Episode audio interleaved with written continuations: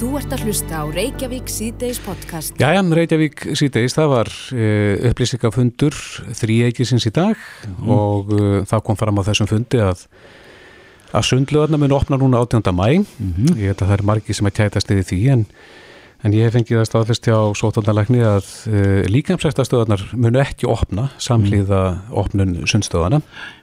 Uh, það mun býða betri tíma. Sagði Þórólur við mig hérna í síma áðan en á línunni er Björn Leifsson, uh, eigandi og, og fórstjóri World Class. Sæl.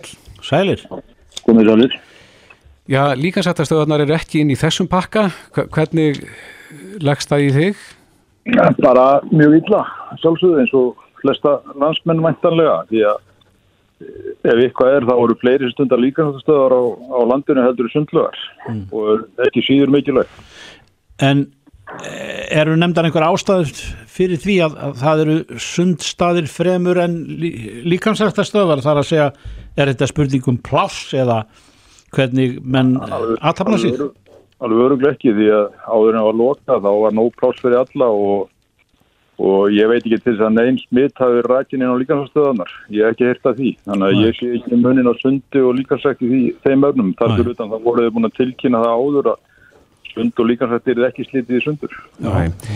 En Björn, þú ert uh, sá stæst í þessum bransa og ert með fjölmarka stöðvar, vitt og breytna landið, en, en uh, hvað er, eru þessar lokanir orðið stórt tjón fyrir þitt fyrirtæki? Já, ef ég hefði fengið opna átjónda þá er það ekki nema 600 miljónir en það virðist vera, ætla að verða meira. Já, þannig að, þannig að 600 miljónir er talan í dag. Já, miða við átjónda en hún náttúrulega eikst um 75 miljónir fyrir hverja viku sem er lokað. Já, já. Er þetta eitthvað sem að líkansættastöðvar er að fá bætt? En ef við fáum enga bætur, okkur er skikað að loka og við fáum enga bætur, við fáum þessa eh, 75% launaleið. E, sama er með leigusalan okkar, þeir gefi ekki tómu eftir, þannig að þó við meðum ekki nota húsin sem við erum að leiða en þá verður það að borga fulla leigu, það er eitthvað smá tilfæstur á leigu en enga, engir afslættir. Þannig að við fáum ekki eins og þess að litlu 2,4 miljónum sem litlu fyrirtækjum fá því að við veltum á mikið. Já. En eh, ég, ég hangi en þá á því að að þetta er svona uh, óskiljanlegt þar að segja engin röks, engar röksemdir sem að þarna eru búa baki. Ég myndi fallast því að þetta sé bara hreinlega pólitík. Það er ykkur sem þrýsta meira ákomandi sund heldur líka sett. Já. Ég veit ekki hver, hver það er eða hverjir en, en það er greinilegt að það er eitthvað svolítið sem er þarna á milli. Já. Ég heyra að þú ert fúll. Já. Ég er hundfúll, hundfúll, já, að sjálfsögðu. Já. Já, já. Við erum búin að, við erum búin að taka sko, virkan þátt í þessu með teiminu og öllum landsmönnum, bæði fyrir og eftir lokun og ég heldum að við fengjum nú að njóta þess með því að fá að opna til samnæðsu aðra. Við, við erum ekki bar með, með drukna aðila og það eru sömu aðila sem koma hérna inn og lappi í bónus og ég skil ekki hverju munurinn á því að snerta flytti í bónus eh, svo ég nefni það fyrirtæki frekar en annað eh, heldur en, heldur en að koma inn lokkar þegar meðan við vorum með opið þá var, þá var mjög mikið gert í því að spritta og sótrinsa bæði fyrir og eftir bæði tæki og lóð og allt sem hér er innan þeirra. Akkurat. Er þetta eitthvað, eh, af því þú nefnir hérna þess að tölu 600 miljónir sem að miðast á við 18. mæ, er þetta eitthvað sem að þið ætlið að, að, að sækja fre, frekar? Ég held að það sé ekki tætt að sækja það eitt eða neitt. Það mun vera bara borðið við og þetta er veirun að kenna og Já, en hvernig fyrirtæki í stakk búið til að taka eh, þetta högg? það tekur náttúrulega eitthvað tíma að vinna þetta niður. Mitt fyrirtæki stendur, stendur nokkuð vel en ég hugsa að þetta sé mjög erfitt fyrir mörg af þessum fyrirtækjum. Mm. Auðvitað er þetta töff að fá 600 miljonar högg. Mm Já. En, en hérna, það er öruglega að vera fyrir marga aðri en mig og ég get ekki kvarta, ég fæ þú væntalega trafík að þeir lefa okkur á opningu tíðan en ferða þjónustan er mikið verið veri stöðu að þannig að túristatinn kom ekki. Já.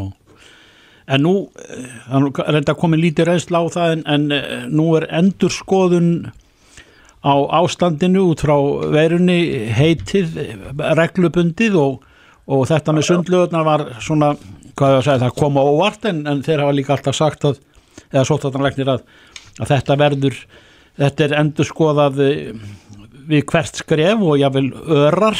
E, þú slægir væntanlega ekki hendina móti því ef, ef að eitthvað slíkt kæmir til innan tíðar Nei, að sjálfsögðu. Ég, ég verð nú að segja það, það er komin í 66 smitaða í dag og eftir, eftir kannski viku tíu daga er það komin niður í fjóra-fimm á ég nú ekki hvernig við um smitast ef enginn er smitaður.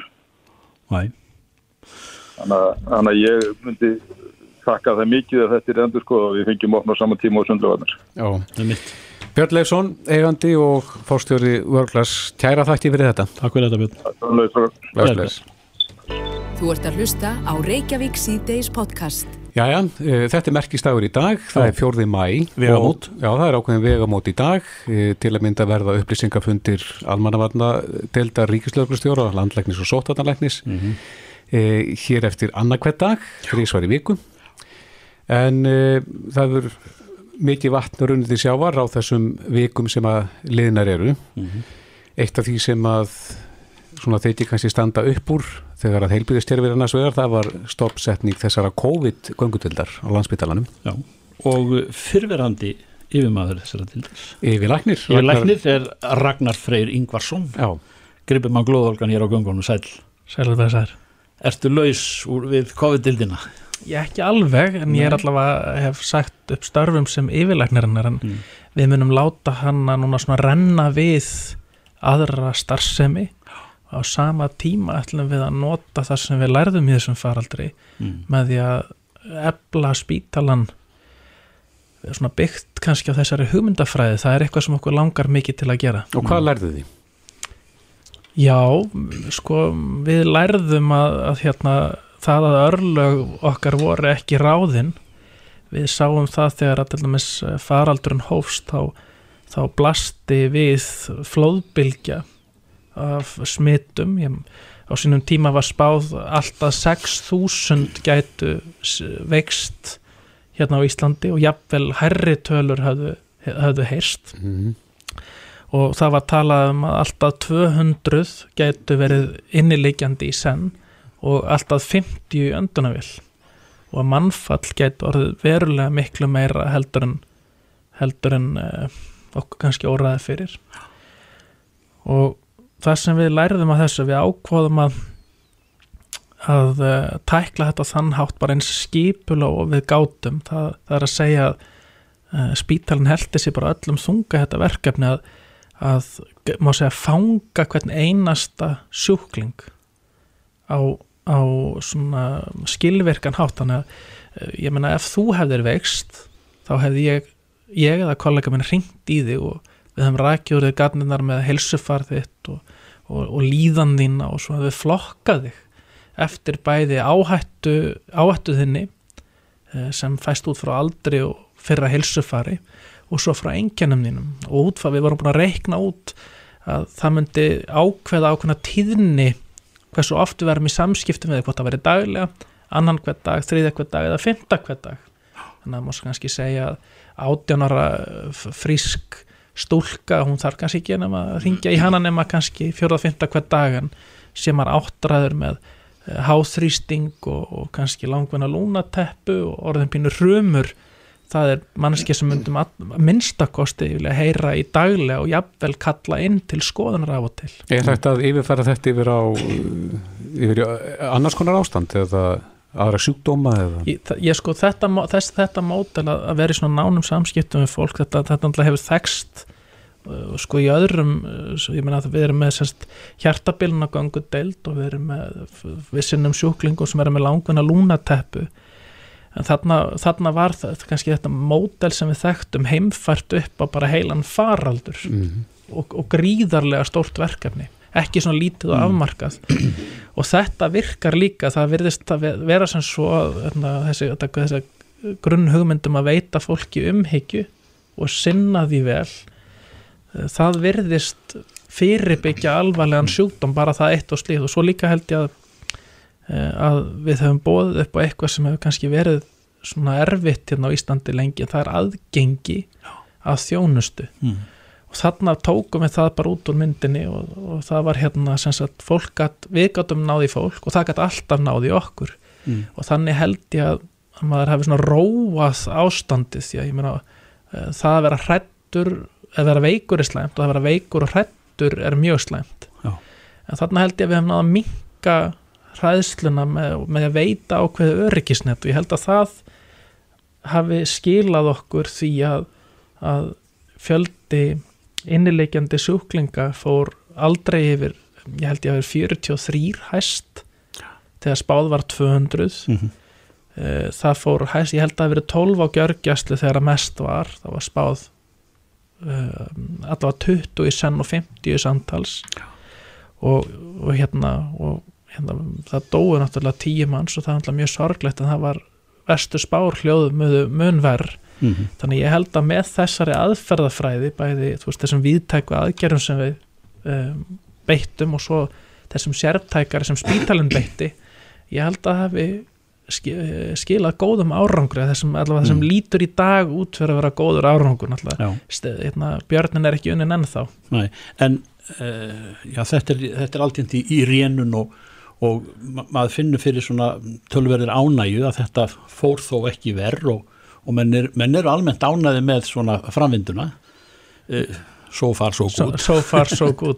En, en, en svo verður þetta uppi og það er út í heimi kannski miklu skýrari mynda því það eru átökin, þú nefnir náinn kynni við, við þá sem að veiktust og, og, og, og þeir innbyrðis.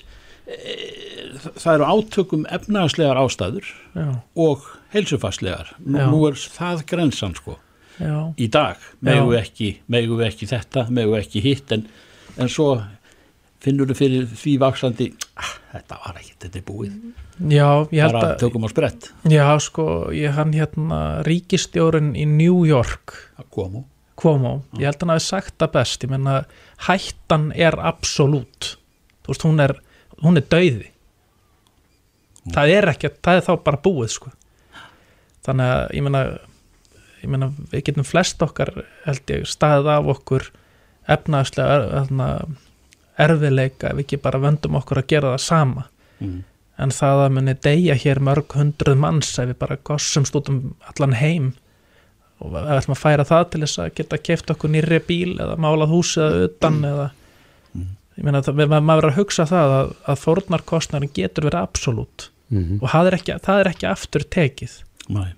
Erst þú bjartýtt núna svona á þessum tímamótum? Já, ég er bara mjög bjart sítt mér finnst, finnst ef við hafum spilað vel úr þeim spilum sem okkur voru gefin en nú skiptir bara máli. Nú, það, sko, það veit náttúrulega enginn hvernig á að stíga næstu skref þannig að það sem verður að gera er að taka svona educated guess. Já. að maður er að reyna að sjá fyrir og, svona, og fólk er að tala saman um allan heim hvernig er best að gera þetta. Og verðum náttúrulega það verður náttúrulega að opna fyrir samfélaginu á einhvern hátt. Já. En samt, að- samt að það má segja þreyfa á ástandu, taka púlsinn við og við og sko endur með þetta stöðuna ört og vera opinn fyrir því að, maður, að fyrri ákvörðun manns kannski var ekki svo heppilegast að maður sé auðmjúkur fyrir því að maður kunni ekki allt Mm. og get ekki spáð fyrir allt Nei. ef hún kemur aftur eh, þetta ófjöti já, eh, svona maður heyri það erum við betur undir þá bylgju búin? Eh, hver, til dæmis hvað var það byrðarstöðu eh, þegar að við verðum vitna því að flugvila farmar komu hingað inn með já, búna sem að býður þeirri hugsun heima við séum miklu betur í stakk búin það eftir en áður að, að takast á við eh, svona verusíkingar sem, er- sem er spáð sko í framtíðinni miklu atgangi. Já við vorum sko við vorum heppin að því leiti að við áttum umtalsvett að hlýfðarbúnaði frá fyrri tíð. Þannig að semst, semst síkingavarnadeild landsbytalans í samstarfi sótvarnalækni hafa unnið saman að svona það sem kallast pandemic preparedness og hafa verið að vinna að því síðan sko 2002 þannig að það, það er heilmikil forvinna unnin Mm. og við vorum heppina til, til að við áttum tölvana lagar til þess að við þurftum aldrei að skamta okkur búnað Nei. og þess náttúrulega held ég að hafi heppnast mjög vel að til, til að engin starfsmæður svo vitað sé veiktist við vinnu sína og það er held ég, við vorum semst, við þurftum aldrei að spara maska eða hugsa um það hvort við ættum að hengja hann hérna, lífðarbúna upp inn í tvær vikur inn í skáp eins og er gert víða í, í heimi því að veiran drefst á tveim vikum. Eða menn er að baka öndunagrímunar í opni e, veirugrímunar til þess að endurnýta þær. þetta þurftum, við þurftum ekki að leiða hugana þessu eh, að neinu, að neinu marki. Og ég held að við sem við munum áfram uh, vera, ég held að við verðum eh, ekki minna undirbúin fyrir ef það verður bakslag núna sem getur alveg gerst, ég minna það gæti alveg komið bakslag. Við vitum það ekki Nei. en við ætlum svo sannarlega að vera undirbúin fyrir það. Já. Ragnar Freyr Ingvarsson, fyrirverandi yfirleikni COVID-göngutildar Landsbytalans, kæra þætti fyrir Takk fyrir, gott gengi. Takk, hérlega. Þetta er Reykjavík C-Days podcast. Jæja, ferðasumarið mikla e, meðal Íslendinga, þar er þess að nú er, eru Íslendinga kvatti til þess að ferðast innanlands. Já. og það er bara gott enda eigum við náttúrulega fallegustu náttúr í heimi og, og svo er nóg af gistiplási, mm -hmm. nóg er af, af hótelum, ringin í kringum landið Já, já En uh, ég rakst á auglýsingu núna um helgina þar sem að var verið að uh, tilkynna fólki að, að nú verða hundar leifilegir hjá Íslandshótelum. Þetta hefur nefnilega verið hérna vesen fyrir marga sem að vilja taka ferfallingi með Já, sem er hluti af fjölskyldun hjá mörgum. Að nú eru þeir velkomnir ringin í kringu landið hjá mm. Íslandshótelum. Er það ekki Davíð Torfi eh, Ólafsson, frangandastjóri Íslandshótela, sæl? sæl Davíð Sælir, sælir. Eru hundarnir ekki velkomnir hjá ykkur núna í sumar? Jú, jú, það er nú bara þannig að, að við erum svona stíga þetta skref sem að sem að hérna margar hótelkeðunar hafa gert út í heimi að þar, þar alveg sama hvar maður er í raun og veru, maður hefur hvort sem það var á, á, á, á hóteli við Hilton hóteli í, í Kastrup eða, eða flugvöldinum í Helsingi, þá eru hundar þar og en við höfum alltaf verið svona svolítið erfið með þetta hérna heima. Af hverju? Já, það hefur nú bara verið einhvern veginn í kúlstúrnum að hundarnir voru svolítið settir bara inn í forstofun og máttu ekkert verið í hýpulum manna. Hérna áður fyrir sko, en, en, þetta er auðvitað allt breykt, þetta er náttúrulega bara gælutir í dag og, og við erum að stíga hennar núna, þetta skref, að, að, að bjóða hundana velkomna í fyrsta skiptið og, og þetta er bara strax byrjað Já, en, en Davíð, Davíð e, e, smíðar þú þá svona nokkur hundru skonsur fyrir þá eða, eða þeir, þeir eru bara inn í sömu hýbílum Já, já. við það eru- rúmstokkin eða eitthvað svoleiðis Já, Já, þeir eru bara auðvitað í hérna umgengnisreglur sem, a, sem að kemur allt fram hjá okkur á netinu en, en uh, þetta er nú þannig að yfirlt eru nú þessi hundar sko í búrum eða þannig slíkt þegar það er hérna í, í almenningsrýmunum og, og er í taumi og annað slíkt sko þannig að, þannig að þetta er svona bara, já, uh, það er bara að gæta auðvitað öllu í sambandi við umgengnina. já, Hvernig með morgunverðaborðið og svona, er þeir leifðir inn í matsal?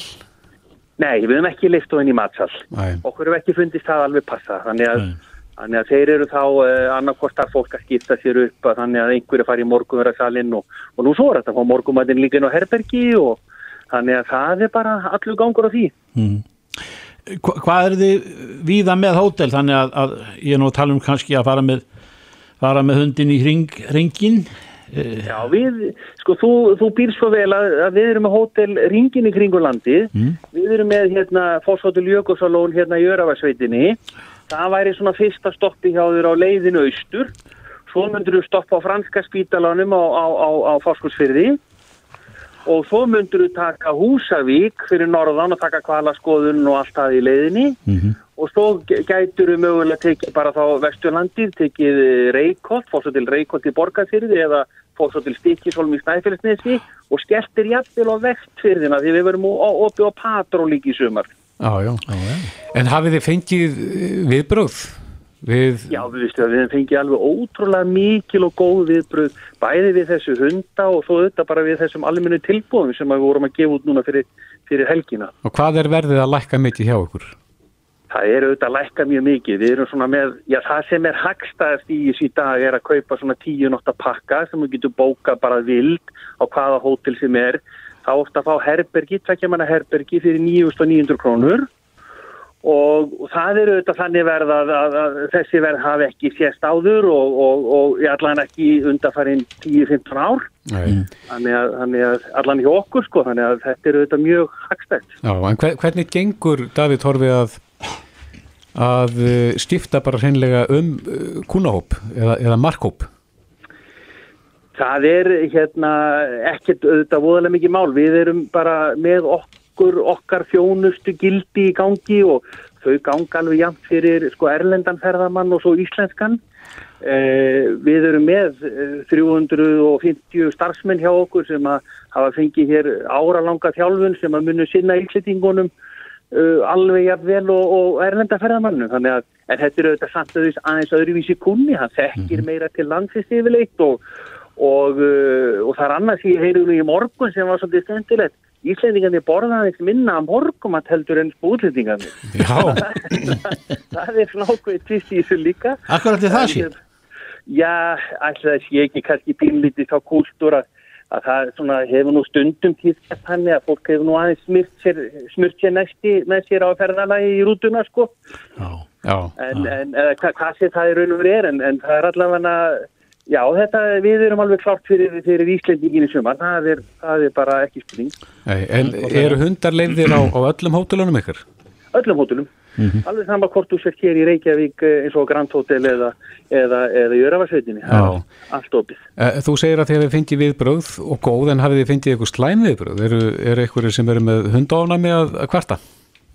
Sko ég hef ekki heyrt mikið um ofnæmis hérna málefni en höfum- það er auðvitað verið að spurja fólk það er auka gjald, það er 3000 krónur auka gjald fyrir hundin og einhverju finnst það vera og mikið. Það er svona eins og bara einhvern auka rúm, það kostar yfirlt auka rúmin og herbergi og annað slíkt sko þannig að, að við reynda svona stilla þessu öllu í hófin sem við getum en, en það er svona verið það fyrst og fremst þessi fólk hefur bara velta fyrir því líka umgengnisregnunum sem við fundist þar kannski vera full stífar hjá okkur en við erum svona að stíga þessi skref núna í byrjun og svona sjá hvernig þetta þróast. Við hefum líka fengið spurning og byrju hvað með köttin, akkur má ekki, má ekki kísa litla koma með. En, en, en við svona, við höfum ekki alveg, við erum sem segið, við erum að stíga þetta svona í fyrsta skiptið og ætlum að byrja á, á hundinum. Já, ein dýrategund í einu Já, við getum það, já, já. já. Já, gott, gott ég þetta við Davíð Tóri Ólásson, frangotastjóri Íslands hótela Kæra þakki fyrir spjallið Takk fyrir þetta, gangi ykkur vel. Bless, bless. bless, bless. Reykjavík síðdeis á bylgjunni. Reykjavík síðdeis, uh, ég rakst á frétt uh, inn á Viljanum, uh, Viljan.is, það sem að var verið að segja frá áformum uh, alþjóðaflugvallarins í Vín, í Östuríki. En uh, það stendur til að bjóða ferðamönnum sem koma til landsins upp á uh, skimun, það er að segja að fólk sé prófa fyrir uh, koronaveirunni, þannig að geti sloppið við að sitja í sótkví í halva mánuð. Og uh, það fylgir í fréttinni að, að ef að ferðarmenn kjósa að gera þetta þegar þeir koma á flugvöllin niðurst þannig að liggja fyrir á svona 2-3 tímum að þá greiða ferðarmenn þetta úr eigin vasa. En uh, ætlaði að sé eitthvað slíkt svona í umræðu hér hjá ferðarþjónustun á Íslandi Það er ábyggilega margt sagt og margar hugmyndir á lofti því að þetta eru svo miklir óvissu tímar frá einum degi til annars Já, Bjarniður Hallstóttir er formaður samtaka ferðarþjónustunar, kom til sæl Komið sælir.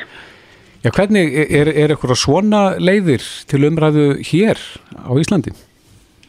Já, það er nú uh, margt rætt auðvitað.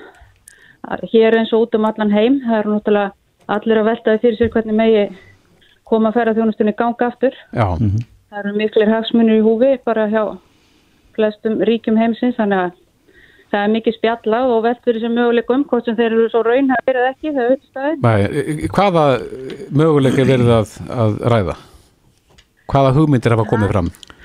Þær eru óteljandi og við getum nú til dæmis talað um uh, það hefur verið rætt innan nor norrannur áþæranemdarinnar að opna á ferðalögu milli Norðurlandana. Já, Það er það sem er verið eftir á bauði núna.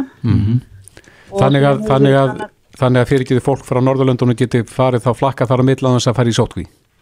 Já, eins og ég skilði þetta. Þetta er nú bara svona á fyrstu stegum skilsnar. Já, Og síðan hefur náttúrulega mikið verið rætt um þann möguleika að gera eitthvað svona gagvæma samninga við á milli ríkja sem að hafa svona uh, náð tökum á útbreyðslu þessar blessuðu veiru.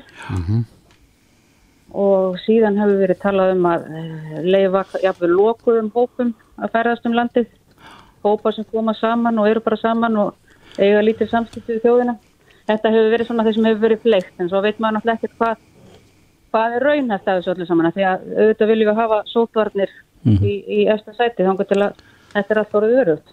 Er almennt sætti um, um þær hömlur sem eru settar á svona, svona það sem er við blasandi eins og, eins og sóttarnalæknir hefur, hefur sagt ákveðna dagsetningar sem að sem að hann og sund frá með átjánda leift og, og svo framvis og framvis e, eru Já. menn óþreyju fullir eða ósáttir við hvað hægt gangi að, að Nei, ég held að hafa nú, hafa nú flesti skilning á þessari, á þessari aðstöðu sem við erum í og núna höfum við þessar reglu fram til 15. mæ að, að ferðamenn þurfa að fara í 14. sótkví mm, en, en það er svo sem skiptir búið litlu máli þegar það eru engin ferðamenn á ferðin ennþá. Nei, þegar við erum náttúrulega háð því hvað önnur ríki gera varandi sína, sína ferðamenn. Þannig að en auðvitað væri búið gott að hafa svona eitthvað blik lengra fram í tíman en, en, en, en eins og segi eins og staðan er þá er það bara erfitt og ég held að skilji það allir. Já, en á sama tíma er náttúrulega eru allir á fullu að reyna að hugsa upp einhverja leiðir til þess að koma hjólunum í ganga á ný eðlilega þannig að líkum mikið undir. Einmitt. uh, innanlands uh,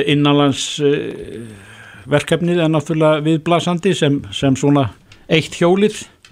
Já, já, það, það verðist vera að fara í, í gang töluverð markasetning hjá þessum sem beint er á innlendu ferðamönnum en við mögum samt ekki gleyma því að það er svo lítið hluti já, já, af, af þeim ferðamannafjölda sem við höfum verið að þjóna undanfærin ár. Mm Þannig að það mun vonandi nýtast einhverjum samt. Já, en Bjarnið, það hefur nú líka verið rætt um það hvort að, og sumir hafa sett sig upp á móti því að það sé verið að, að uh, styrkja ferðarþjónustuna á, á þessum tímum og sumir hafa, ég bel gengið svo langt að segja að þau fyrirtæki sem bera sig ekki bara að fá að rúlla en hva, hvað hefur ferðarþjónustan hverju er hún að skila á ári og hefur gert undanfærin ár?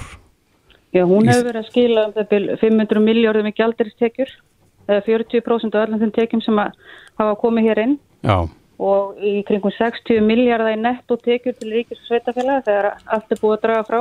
Þannig að þetta eru einhver smá upphæðir sem sem að reynin hefur verið að skila. Hefur þú trú á því að því að þú þekki nú vel til á þessum vettvangi Bjarniður að, að þetta nái fyrri hæðum þegar að, þegar að þetta er komið í gang eða, eða líta menn til þessa að, að, að þetta ástand verði aldrei aftur eins Nei, ég hef enga trú á öðrum þetta nái fyrir hæðum og, og, og það tiltölulega hrætt. Já, Ég geti trú að því að eftir svona 2 ár, 2-3 ár verðum við komin á svipaðan stað eins og við vorum árið 2019 já, og þá er ég svona að horfa til þess hvaða möguleika Ísland sem áfangastadur á. Hann, hann ná mikið inni þannig að ég, ég hef engar ágjör því að við náum okkur ekki á stryk Nei. um leið og aðstæða að lifa. En það er vinnuhópur í gangi það ekki sem að eh, sem sett á vegum eh, hérna, ferðarþjónustunar og, og sóttvarnar yfir valda. Já, eða hins ofinbera svona sem fær, fær til ráðgjafar við sig hérna ímsu aðla varandi þessa möguleika á, á ferða mennsku hérna á landinu skilsum. Hvenær maður búast því að það komi eitthvað frá þessum hópi? Já, mér skilst að það eigi að gefa eitthvað út í kringum miðjan mæ þegar þessi nýja, þessi, þessi regla sem er í gildi núna tekur enda eða þá eru tekin ákvörunum framhaldið. Já. Það skref, þegar það skrefur stíð Já, Já. Bjarniður Hallstóttir, formaður samtaka ferðarþjónustunar. Kæra þakki fyrir þetta. Takk já, takk sem leið. Bless, bless. Bless. Reykjavík síðdeis á Bilginni podcast. Jæja, uh, rakst á það í frétt hérna ekki alls fyrir löngu uh, að Íslendingar flytjast minna þar að segja til höfuborgarinnar heldur en áður. Einu sinni var nú sagt að, að leiðir fólks lægi svona yfir höfuð bara til höfuborgarinnar. Já, já, það, hvað er ramt að því að og dagar dreifbílisins jáfnvel taldir hér og þar og, Já, já. og, og, og mjög víða út af, út af ymsu sem að sagan hefur að geima Einmitt. en það er eitthvað í, í, í, í hérna, tíðarandanum sem að kallar á viðsnúning Já, Ólef Garastóttir er prófessor í félagssögu við Háskóla Íslands, kom til sæl. Sæl, Blessaður, sæl. Já, hvaða, hvaða þróun er þetta að, að fólk helst þá lengur í dreifbílinu? Já, eitthvað frekar, sko, það hefur heldur dreigið úr fólksflutningum á, um, já, þar að segja á landsbyggðinni og þegar ég segja á landsbyggðinni þá ægilega við, við svæði utan við e, það sem við gætum mögulega að kalla stór höfuborgarsvæðið og Já. þá ég við sem sagt Reykjavík og, og þessi bæjarfélag sem eru svona klukkutum að fjalla frá Reykjavík, þar að segja Suðunissin verulegan hluta Suðurlandi og svo Vesturlandi svona af borgarnesi. Já, þannig að fólk er, er, er meira að flytja þá úr borginni og í þessi sveitafjölu hérna svona næst höfuborgarsvæðinu. Já, sko, það sem að gerist og veru, það sem okkur fannst áhugavert við þessan, þessar rannsókn okkar var að það dregur verulega úr fólksflutningum á landsbyðinni, það er fyrir utan þetta svæði, það, dreg, það er ekki eins og það, þeir, þeir hætti alveg, það er, eru flutningar bæði og heldur meiri flutningar frá landsbyðinni til höfborgarsvæði sem seldur öfugt, en mm -hmm. munurinn er eins og mjög lítist núna, þannig að það er ekki mjög neikvæður flutningsjöfnuður svona síðustu árin frá mm. landsbyðinni á þetta þéttbíli, í þetta mm. þéttbíli hérna á Suðvesturhorni landsins. Er þetta... En það er mjög mikið, mikið treyfanleiki á milli höfborgarsvæðisins og þessara svæða í kringum höfuborgina mm. er svona, orðin nýtt atvinnusvæði mögulega Er þetta leitað að meiri lífsgæðum, svona náttúrulegum lífsgæðum eða, eða er þetta bein, beinar sko hagrænar ástæður fyrir þessu, bara ökonomían berskjölduð?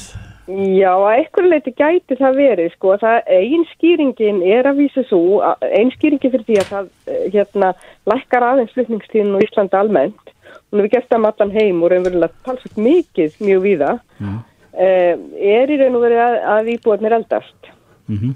þannig um leið og leiðrétti fyrir aldri að þá er lekkunin ekki eins mikil eins og hún verist vera þegar maður skoðar ekki aldurinn eða tekur aldurinn ekki með í myndina þannig að mm. við vitum það náttúrulega þeir sem eru svona, já, frá því að þeir klára mentaskólanu um það leiti sem þeir klára sín hérna, já, sitt eh, eitthvað svona starfsmyndun og svona fram yfir frítut og þá er fólk kreifanlega reyfilitt og um leið og sáhópur verður fámennari að þá náttúrulega dregur úr flutningstíðinni almennt sér þannig að það er hlutafskýringun en það samt ekki allskýringin þó við tökum til yttir þess og þá dregur aðeins úr fólksflutningum. Þannig að fólk hefur eitthvað, það er eitthvað annað sem heldur í fólk mm -hmm.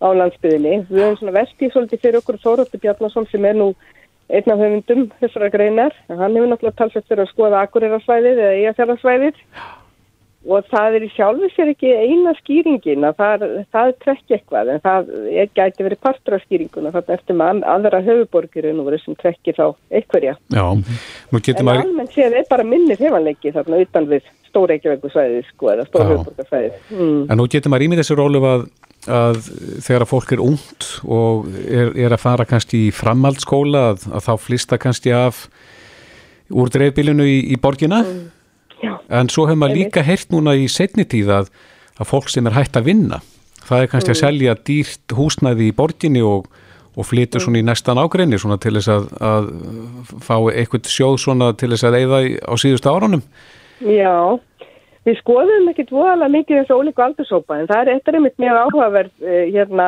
ábending sko að skoðum einmitt aldraða hvert fara þeir. Þeir fara náttúrulega gætnan í eitthvað skona þjættbíli ef þeir búa í, í strjálbíli því að þeir þurfa þjónustu. Já. En eins og segir það er ekkert endilega sjálfgefa að það þurfa að vera hérna Vesturbærin í Reykjavík. Mm -hmm.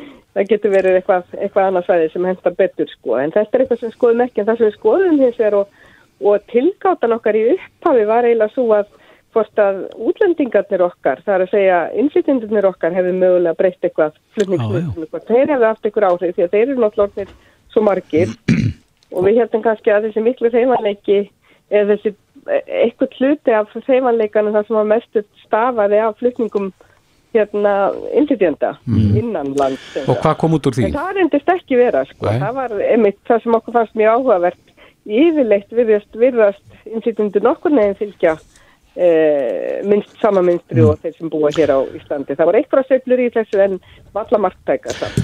En Ólaf, uh, þú talar um útlendinga, útlendinga sem að hingað eru komnir um lengra skemmri tíma og allt það en, en, en höfum við einhvern samjöfnuð sko hvort að þessi, þessi byggðarþróun sé í, í Danmörku eða Noregi mm. eða við svipar landfræðilegar aðstæður einhvers staðar út, út í heimi hvort þetta sé eitthvað svona glóbalt sem að hérna... Já, þetta er nefnilega eitthvað glóbalt sem, sem að var farið að benda á fyrir, ég talfest lengur síðan, fyrst í bandaríkjónum var svona, komið fyrst fram þessar hugmyndur með það að, að það drægi úr innanlandsflutningum og þetta, er, þetta hefur sérst mjög víða bæði í Evrópu og í bandaríkjónum að það hefur talsett dreigið úr þessum flutningum.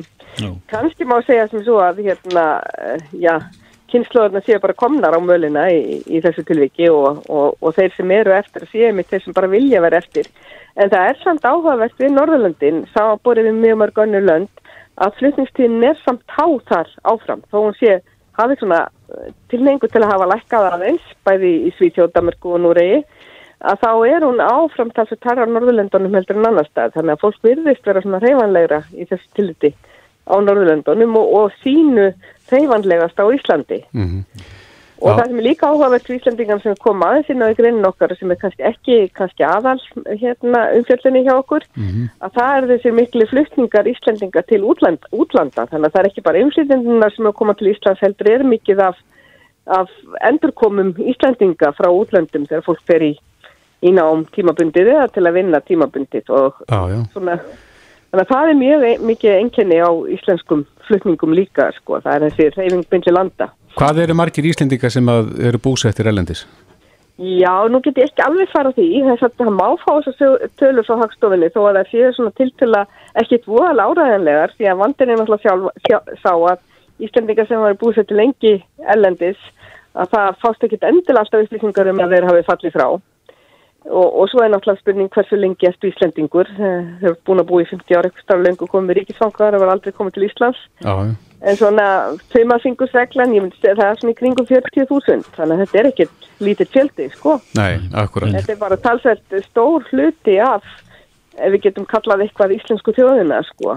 Já, akkurat. Og, en, það, en það sem er líka einkennandi er þessi mikil flutningu, mikil flutningu tilbaka, fólk kemur gætnan tilbaka á endanum, sko. Já, já. Þannig ef við fengjum þessi 40.000 heima þá myndum við ná 400.000. Já, það er ekki ólíklegt, sko. Já, það er kannski Já. markmið út af fyrir sig.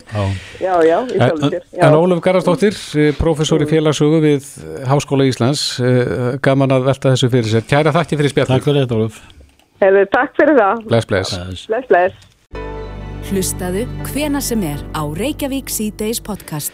Já, já, Reykjavík síðdeis, við sjáum það í okkar bókum að í dag er alþjóðlegu dagur slökkulismannsins og við óskum slökkulismönnum til hamingi með þennan dag. Já, til hamingi. Þeir þurfa að eiga sinn dag líka. En uh, það fær okkur til þess að huga aðeins að þessum, uh, þessari starfstétt, slökkulismönnum. Á línunni er Pétur Pétursson, slökkulistjóri slökkulisins í Árnesíslu og, og formaður félags slökkulistjóra á Íslandi. Kom það sæl? Sælir. Sælir. Já, við sem bara til hamingi með daginn. Já, takk fyrir það og sömuleiðis. Hvernig hafa slökkulismenn það í dag? Almennt sé held ég nú að slökkulsmenn hafið það nú gott sem manneskjur. Þetta eru hérna, þetta er kraftmikið fólk sem að velst í þessi stöðu og, og jákvætt upp til hópa. Já. En það má kannski segja að þessi dagur kemur nú svo sem ekki endilega til af góðu. Er, þetta er upp úr atbyrðum í Ástralíu 98-9 sem að uh, létust fimm slökkulsmenn í, í gróðureldum. Já. Á leiðin í, í gróðureldu útkall og vindátt snerist snögglega og hérna og þeir létu allir lífið. Og upp úr því er þessi dagur settur á til þess að svona, minnast þeirra á og þessara hættulegu starfa sem að, sem að slökkulsmenn vinna og mikilvægur starfa. Já. Breytist eitthvað hjá ykkur slökkulismönnum í, í dag, 4. mæ? Já, svo sem breytist ekkert, það breytist ekkert varðandi útkolli eða, eða venjulega starfsemi. Nei, það er nú að tala um gagvart uh, koronu verunni. Já, nei, við eh, vinnum þannig störf að, að við þurfum að halda þessu aðskildu í, í vinnulífinu. Það er búið að splitta öllum vinnustöðum upp til þess að minka samneiti manna og, og það mun halda áfram eitthvað fram eftir ári, gerir áfyrir á öllum stöðum. Já, og hvernig leggst það í menn? Ég menn aðlægast þessu náttúrulega vel. Það er svo sem þýðir ekkert annað. Þegar en bara, þetta hefur áhrif á landsmenn alla. Þetta sem að við erum að ganga í gegnum og hinsbyðin öll. Þannig að, að það þýðir svo sem ekkert annað en bara taka því en, eins og hverju öðru. En Pétur, þú nefnir eh, Ástrali sem að börðust við gróðurelda og, og það er tilefnið eh, þessara, þessa dags, ekki satt? Jú, svona til þess að vekja aðtikli líka á þessu hættulegu umhverfi sem að slökulegs menn og konur vinna Já. við og, og það má ekki gleyma því sko að þessi störf eru, eru líkamlega og andlega auðvitað hættuleg. Og við þeirra hættu sem að við sjáum það er sem sagt að hrunhætta og auðvitað bara beinhætta af eldi og annað en það sem gleymist stundum er ósynilegi óvinnurinn og það er það sem smígurinn í húðina á slökulsmönnum við þeirra störf. Og húðin er eitt stæðsta líffærið og, og þá má kannski nefna slökkulsmenn og krabbaminn og það er tvísvar og jafnvel þrísvar sem er meiri hætta á mörgum krabbaminstegundum hjá slökkulsmennum vegna eituröfna sem farin í húðina á þeim og Já, já.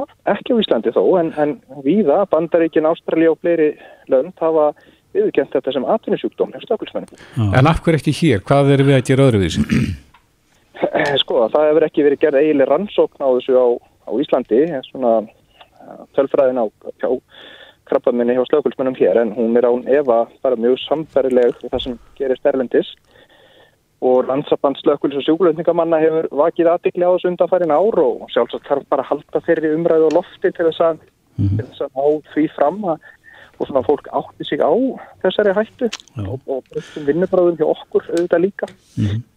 Þú, svo ég nefni það nú aftur, gróðureldar í Ástralíu tilöfni dagsins en e, nú er það ef ég hef tekið rétt eftir og ég lendar það ekki það að einmitt slökulismenn á, á, á það sem þú það sem þú ert, eða það sem þú ert stættur á landinu hafa varað við já, auknum gróðri og hætta sem staf, stafar af þurru veðurlægi og, og gríðarlegri aukningi í, í gróðri. Já, auðvitað gróðureldar eru svona vaksandi áhætta hjá okkur. Já. við höfumst auðvitað ekki aukna trjárækt eða ekki gróður, það þarf bara skipulegjaða vel það er Og það sem þarf kannski svona fyrst og fremst er líka hugafarsbreyting og, og atverðlisbreyting hjá fólki í náttúrunni. Hvernig við komum fram við, til dæmis við brennum ekki sínu lengur, það er bara bannað með lögum og reglum í landin okkar. Og, og bara sem betur við hánu reykingum, reykingar minka hjá fólki en, en hvernig við förum með open eld, síkarötustuppa, grill og, og svo framvegis. Hérna, Þannig að þurfum við öll að taka ábyrð saman og ekki bara okkur heldur líka á náung okkar. Þurfum mm. að stoppa, stoppa óæskilega högðun. Einmitt. En uh, þarna kannski varandi kjæreldan á gróðureldan að þá eru sumabústaflöndin uh, þar kannski helst undir. Hefur verið unnið í því að, að bæta úr á, á landin öllu? Svona eldvarnir í sumabústaflöndum? Sko, viða hefur það verið gert, já, og við höfum hjá Brunavöldum Árunnsíslu og, og félagsleikulstjóru sjálfsögðu og, ymsur aðra hefur verið að halda bæði fræðslufundi og námskeið fyrir hérna, sömarhúsa félög og aðra. Uh, af því að við það í gömlum sömarhúsa hverfum að þá er kannski bara einn flóttaleið og svo vex gróðurinn alveg upp að glukka og ef, ef upp kemur eldur í hverfinu að hversu mikilvægt það er að fólk hafi tvær flóttaleiðir út úr, út úr hverfinu mm -hmm síðan auðvitað setni tíma lög og reglur um skipulagsmál og, og alls konar svoleiðis. Hveð á um hvernig á að, að skipulegja sömurúsa hverfi í dag sem að mögulega var ekki gert hér á árum áður. Og þá, þarf, þá spyrir fólk sig hver á að gera þetta og við veltum oft upp spurningunni á ég að gera það eins og góðum að það sagði í leikvætti hér á árum áður? Einmitt. og við viljum segja að jú, ég á að gera það ef að öryggi minna fjölskyldu eða minna er ógnað á einhverjum stöðum sem ég er vel langt döðum eða, eða skemmri tíma að þá á ég að sjá til þess að það síla ekki og ef að, ef að það þarf að búa til aðra flóttaleg út úr, úr hverfi og það er enginn hvort sem að lög eða reglur segja að það eigi að gera það, nú er ég ekki að segja að það sé þannig en þá verðum, verðum við bara að græja það. Við þurfum fyrst og næst að tryggja öryggi okkar nánustu bæði hvernig við höfum umhverfin og hvernig við höfum okkar bara höfum almennt. Já, akkurat. Rétt aðeins í lokin, Pétur, þú talar um slökkulismenn og konur hérna áðan. Hvað er marga konur sem að starfa sem slökkulismenn í dag? Ég er nú ekki alveg með það á hreinu hvernig það er á landinu en það hallar verulega á og það væri virkilega ánægulegt að sjá fleiri konur sækja í þessi stöð því að þetta er svo sannlega ekki kallastörf. Þetta eru störf fyrir, fyrir bæði kynin oft talaðum að, að þetta hendi köllum betur af því þeir séu e, líkamlega sterkari frá náttúrunar hendi en, en við blásum nú þau, þau rauk því að betur vinnu vitin strít eins og oft er sagt. Og, hérna, og við eigum að nota höfuðu fyrst og fremst þegar við vinnum hvernig við leysum verkefnin. Þannig að þetta er svo samlega starf fyrir, fyrir bæði kynin. Þannig að þú skorar á konur að, að sætjum Ekki spurning. Pétur Pétursson, e, formaður félags slakkulistjóra á Íslandi. Takk fyrir þetta Já, takk svo með leiðis. Bless, bless. Frettir og fróðleikur. Reykjavík síðdeis á Bilgjunni.